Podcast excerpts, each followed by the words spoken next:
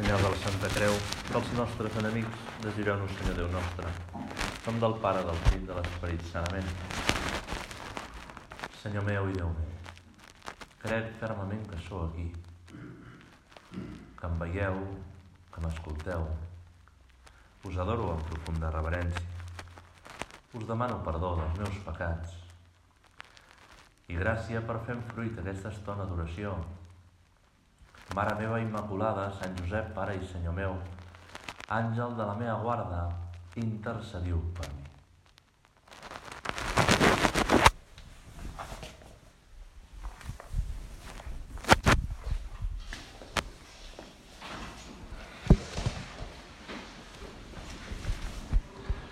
Amb la vostra llicència, sobirà Senyor, sacramentat. Els apòstols eren gent molt variada, molt diferent. Jesús no escull els més intel·ligents que podrien creure's que s'han guanyat els ser escollits, s'han merescut els seus escollits. Quasi tots els apòstols, de fet, són gent bastant senzilla, pescadors de Galilea, inclús podríem dir moltes vegades simples. Però n'hi ha un de més intel·ligent. Té l'encàrrec de cobrador d'impostos. Per això era considerat pecador. No hi havia cap risc de supèrbia de pensar-se que s'havia guanyat el lloc. Però sí que hi havia un risc de supèrbia de patito feo. Jo no serveixo. De baixa autoestima, de menysprear-se a si mateix. No sóc digne. De fet, els altres apòstols seran, seran els que cauran a la discussió anant, no sé si és cap a Cafarnaum, no, cap a Jericó, de qui serà el més gran. Jesús els hi pregunta quan arriben allà, què discutíeu pel camí? I se'ls posen vermells tots. Perquè aquests tios tan simples i tan senzills que, que estaven barallant-se per si tiraven les xarxes una banda o l'altra, al cap de poc estan discutint qui serà el més gran en el regne del cel.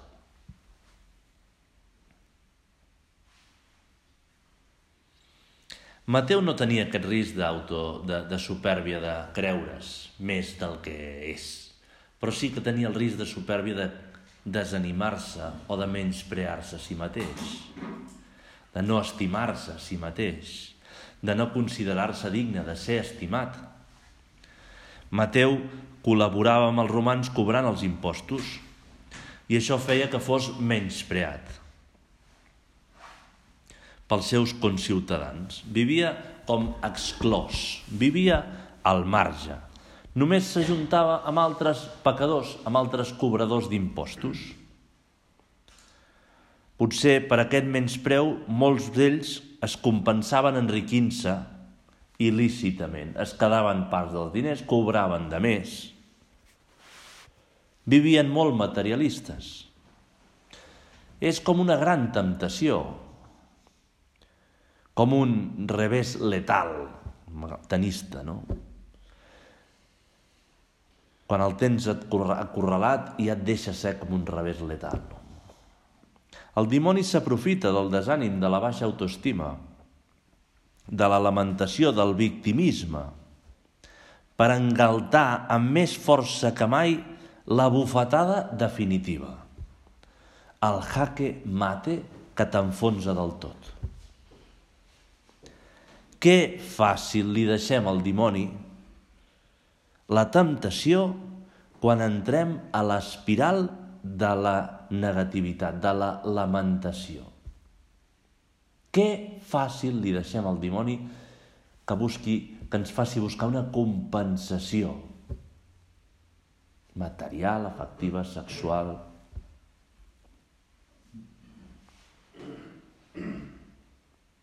i acabar-nos d'enfonsar, perquè clar, això no ens allibera, no ens compensa. Jo li dic el doble nus, el dimoni s'aprofita del fallo per acabar-nos d'enfonsar, el dimoni aprofita de la baixa autoestima per acabar-nos d'ensorrar.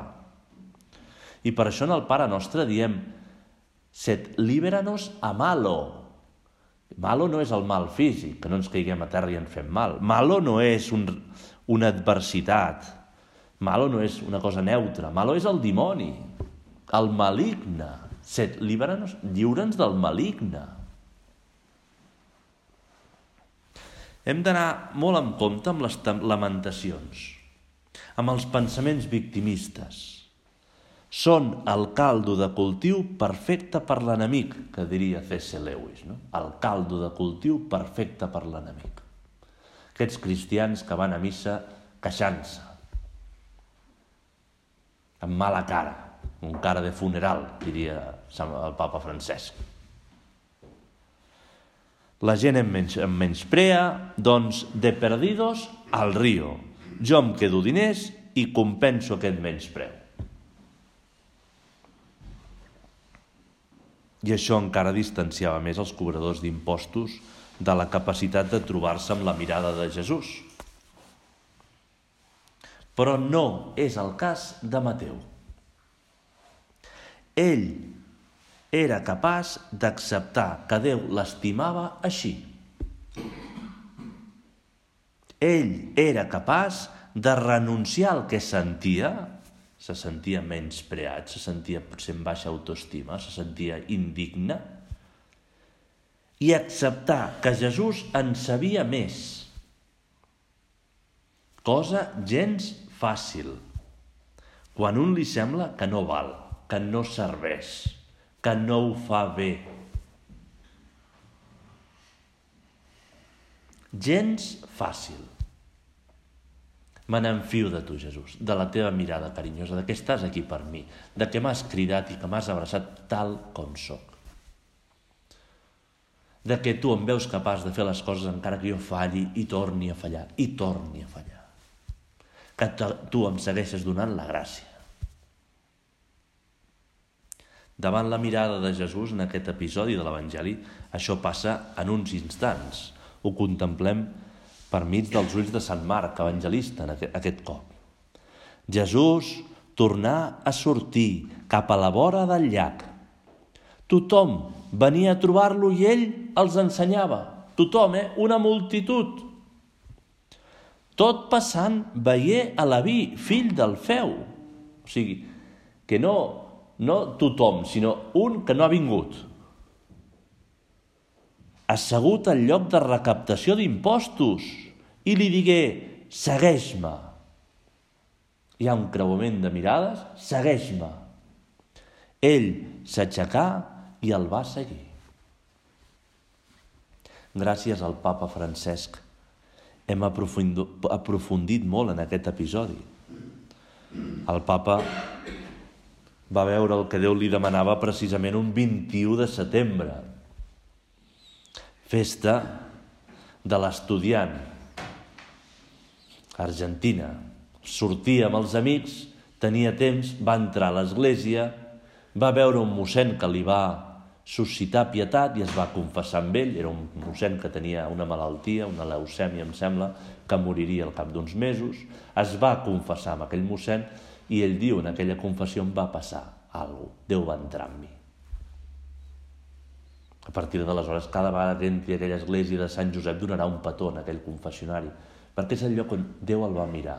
I ell, que se sentia pecador, que s'identificava en Sant Mateu, va deixar les monedes que tenia davant, les coses materials, els problemes, les preocupacions, lo tangible de la vida, per enfiar-se'n de Déu.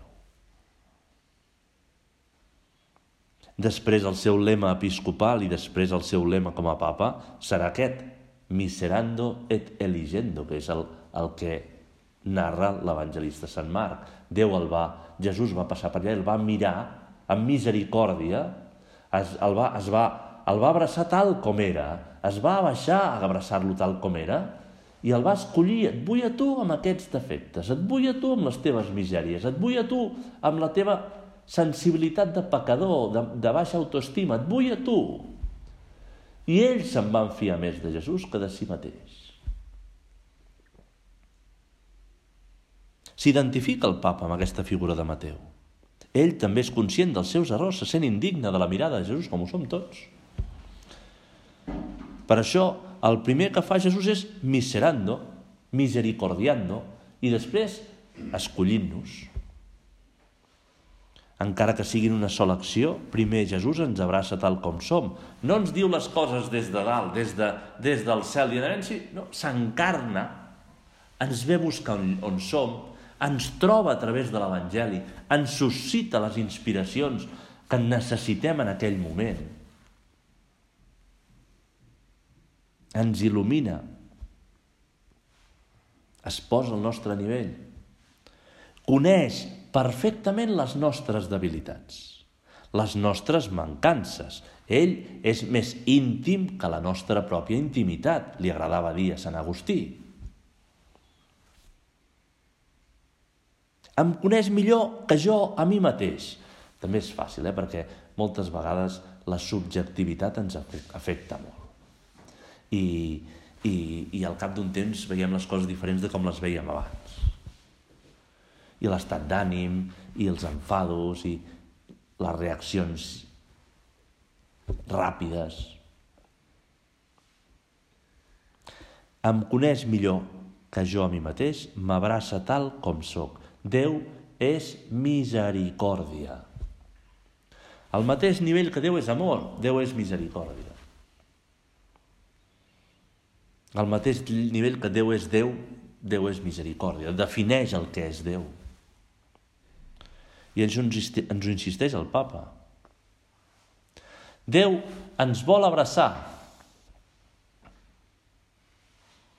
Ai, si tanquem el cor i no ens deixem abraçar per ell, si abaixem els ulls cap a les monedes que tenim a la nostra taula, les coses tangibles que, se, que pensem que dominem, que són comptabilitzables, la materialitat de la nostra vida, l'experiència de la nostra vida.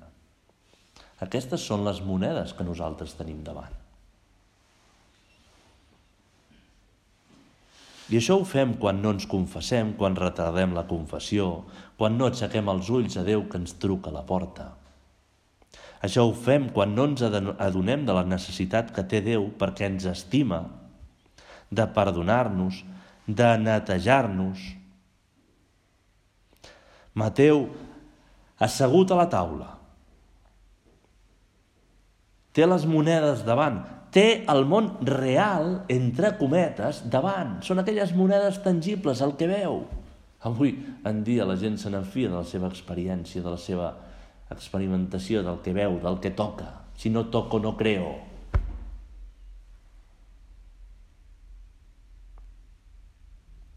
Hi ha al seu costat altres cobradors d'impostos. Damunt la taula pilotets de monedes que han anat recol·lectant alguna moneda suelta. Mateu aixeca els ulls, aixeca els ulls i descobreix la mirada de Jesús. Jo també puc aixecar aquesta mirada i descobrir a Jesús. Miserando et eligendo descobrir que tot un Déu està boig pel meu amor. Perquè Jesús també m'ha vingut a buscar a mi. Les multituds s'acostaven a Jesús i Jesús agafa Mateu, Levi, el pecador. També m'ha escollit Jesús a mi. M'ha vingut a buscar a mi, allà on sóc, on estic, on treballo, on visc, no li importen les meves misèries si els hi entrego. El meu ser poca cosa, aquestes debilitats que tant em costen,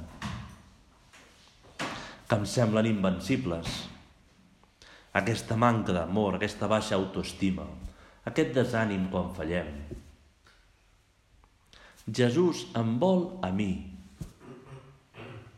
És com si anés a lo essencial com si ens digués, deixa't de tonteries, deixa't d'excuses, que t'estic cridant.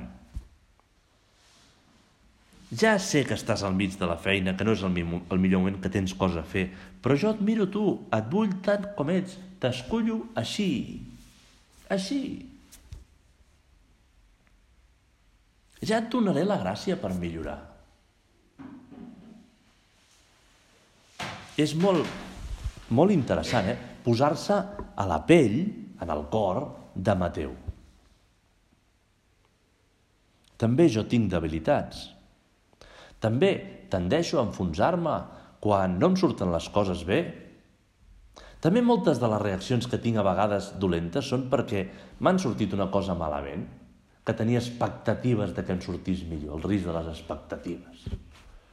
No m'ha sortit bé, m'he sentit malament, he, he obrat malament i patapam, encara ho faig pitjor. Potser també tenim, tenim, també tenim algun pensament de patito feo. Però Jesús em mira a mi. Tu, Jesús, em mires a mi. I a mi em toca dir-li que sí a Jesús, que deixo les monedes, que vull fer el que ell em digui, que m'aixeco de la taula. És que Mateu, quan s'aixeca, deixa la seva vida, eh? El que ell tocava, el que ell palpava, els amics que tenia, els únics amics que tenia, ho deixa tot per la mirada de Jesús.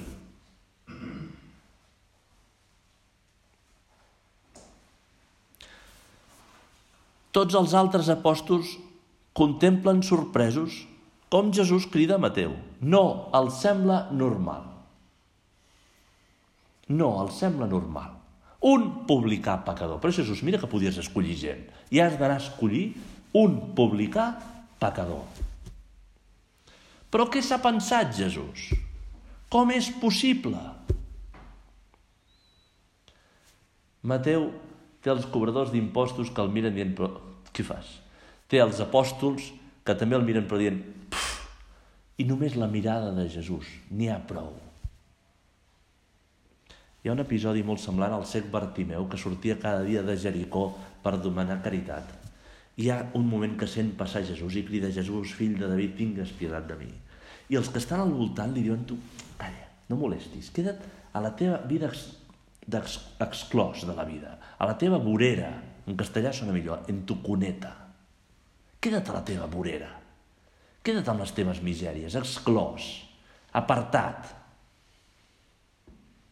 però ell segueix cridant, Jesús, tingues compassió de mi. Jesús que ja l'havia escoltat, fa el miracle de donar-li la vista a aquest sec de naixement. Mateu farà cas només de la mirada de Jesús.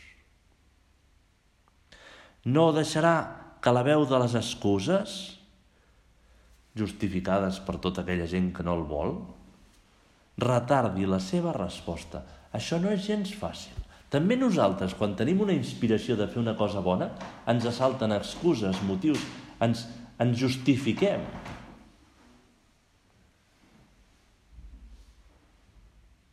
Mateu és un exemple per nosaltres, amb això de la prontitud d'aixecar-se, de dir que sí i d'enfiar-nos de Jesús. Però avui Mateu encara n'aprenem més. Fixeu-vos una cosa, quan, un, quan una persona ha patit en carn pròpia una malaltia, un episodi dolent, ha estat ingressat, ha patit una operació difícil, ha estat entre la vida i la muerte. És molt més proper aquell que pateix aquella malaltia o un episodi dolent semblant. Un exemple tonto, eh? una persona que pateix un robatori quan al cap d'un temps ja ha superat el trauma, un amic li explica el robatori que també li ha passat a ell, estarà super proper, super empàtic, sabrà el que ha sentit l'altre, la indefensió que ha sentit l'altre, la injustícia. Sabrà descriure-li els sentiments, sabrà empapar-se d'aquells sentiments, entendre el que sent l'altre. Per això Mateu no és només l'exemple d'aixecar-se ràpid per respondre a Jesús. Segur que Mateu és també per nosaltres un exemple per ser misericordiosos amb els altres. Ser misericordiós com Déu Pare és misericordiós. No jutjar, no etiquetar, abraçar els altres tal com són, hospitals de campanya. Hi ha una frase que deia Sant Agustí que és amb menys paraules no es pot dir més, que és interficere errorem diligere errantem. La veritat és una i s'ha de ser intransigents amb la veritat i defensar-la, però donar la vida fins a la mort pel que s'equivoca. Matar l'error, estimar fins a donar la vida amb amor d'entrega total pel que s'equivoca. Clar, una persona fa una cosa i ja diem aquest és un no sé què i li eh, posem l'etiqueta a sobre. No, aquest s'ha equivocat fent això. No estic d'acord amb el que ha fet, però segueix sent una persona que val tota la sang de Crist. I si aquella persona és menyspreada pels demés, jo m'aniré al seu costat, perquè jo no el menyspreu. Simplement sé que s'ha portat malament, que no estic d'acord amb el que ha fet. Ser misericordiosos com Déu Pare és misericordiós. I això es comença per no jutjar, per no etiquetar, per abraçar els altres tal com són. Aquest és no. Tallar aquests pensaments, resar cada vegada que ens venen al cap.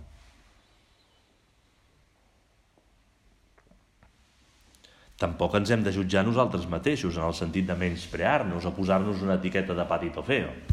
I això ho hem de pensar, perquè també ofèn a Déu, que ens ha creat, que ens ha fet tal com som. Quantes vegades ens hem confessat dient m'he menyspreat a mi mateix?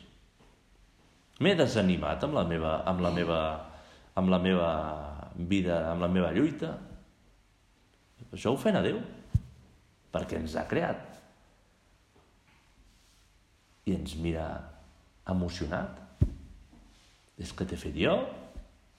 Com si el Pinotxo es rebel·lés contra el Gepetto. I mira quin nas tan llarg m'has fet. I bueno, es pots saltar pèrtiga amb aquest llaç, amb aquest nas, tu no pateixis, pots fer coses molt bones amb aquest nas. Aquesta societat critica molt, eh? Ho veuen com una opinió ra raonable, conèixer la veritat, jutja la intenció de les persones. Segur que des, de, des del cel, ara Sant Mateu, que ens escolta, eh, eh, diria, explica'ls la paràfrasi de Jesús. Aquesta paraula tan estranya, vol dir que tots els jueus sabien el manament sigueu sants com Déu és sant.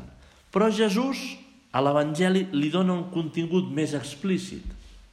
Sigueu misericordiosos com Déu és misericordiós. Això és una paràfrasi.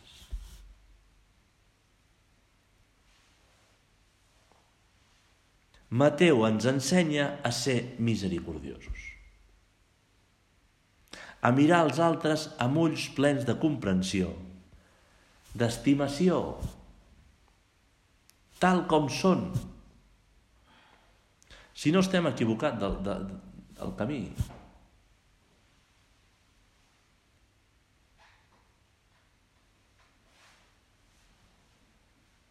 Hi ha un sant que deia que s'agafen més mosques amb un dit, amb una dedada de miel, que amb un, que amb un pot de vinagre.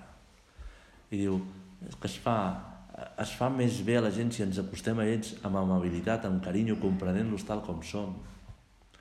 Se'ls anima, no sent hereje de martillo d'herejes. Mai parlar malament de ningú. Si no puedes alabar, cállate. Mai parlar malament de ningú. No jutjar les intencions de la gent. Defensar la veritat sempre que hem salvat la intenció de la gent, sempre que hem estimat a la persona fins al fons, quan ho fem per amor. Si, si diem, no, és que estic defensant la veritat, la justícia, però no estimem, és millor que no defensem la veritat ni la justícia, perquè no, serveix de res. Si no estimem, no serveix de res. Diligere errante. Fa uns mesos va morir un sacerdot numerari de Barcelona, mossèn Blasi. Durant la homilia d'aquell funeral, el que la va donar va dir una cosa, va dir que mai havia parlat malament de ningú. Sempre sabia parlar bé dels demés, inclús dels que semblava impossible dir una cosa bona. Aconseguia, no se sabia com, dir el bé. Dir una cosa bona. Mira quines sabates tan boniques porta, jo què sé. A la sortida d'aquell funeral, diversos comentaven dient ha donat el clau, el tret principal d'aquesta persona. Sempre parlava bé dels demés. Que bonic, Jesús, tenir aquesta sensibilitat pels altres. Aquesta empatia.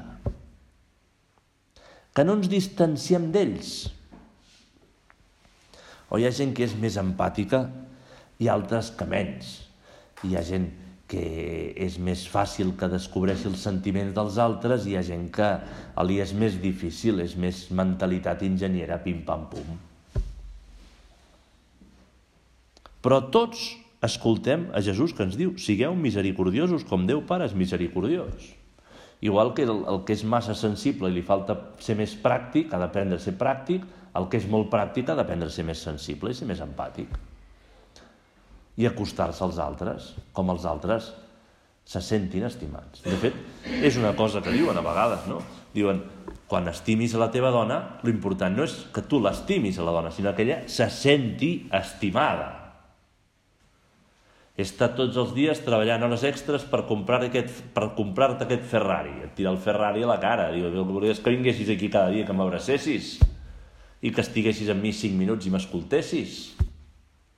Que ella se senti estimada.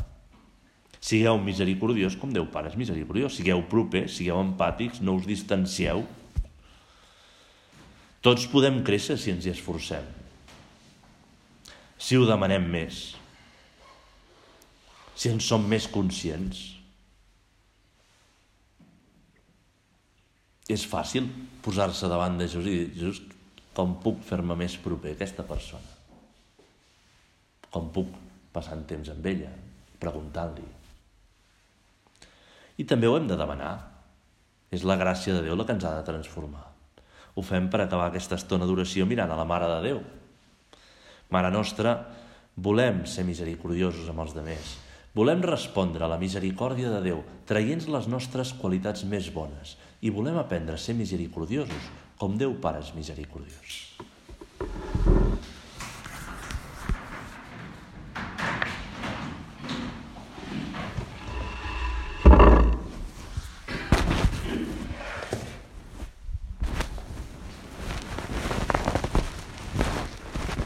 dono gràcies, Bons propòsits, efectes, inspiracions que m'heu comunicat en aquesta meditació. Us demano ajuda per posar-los per obra.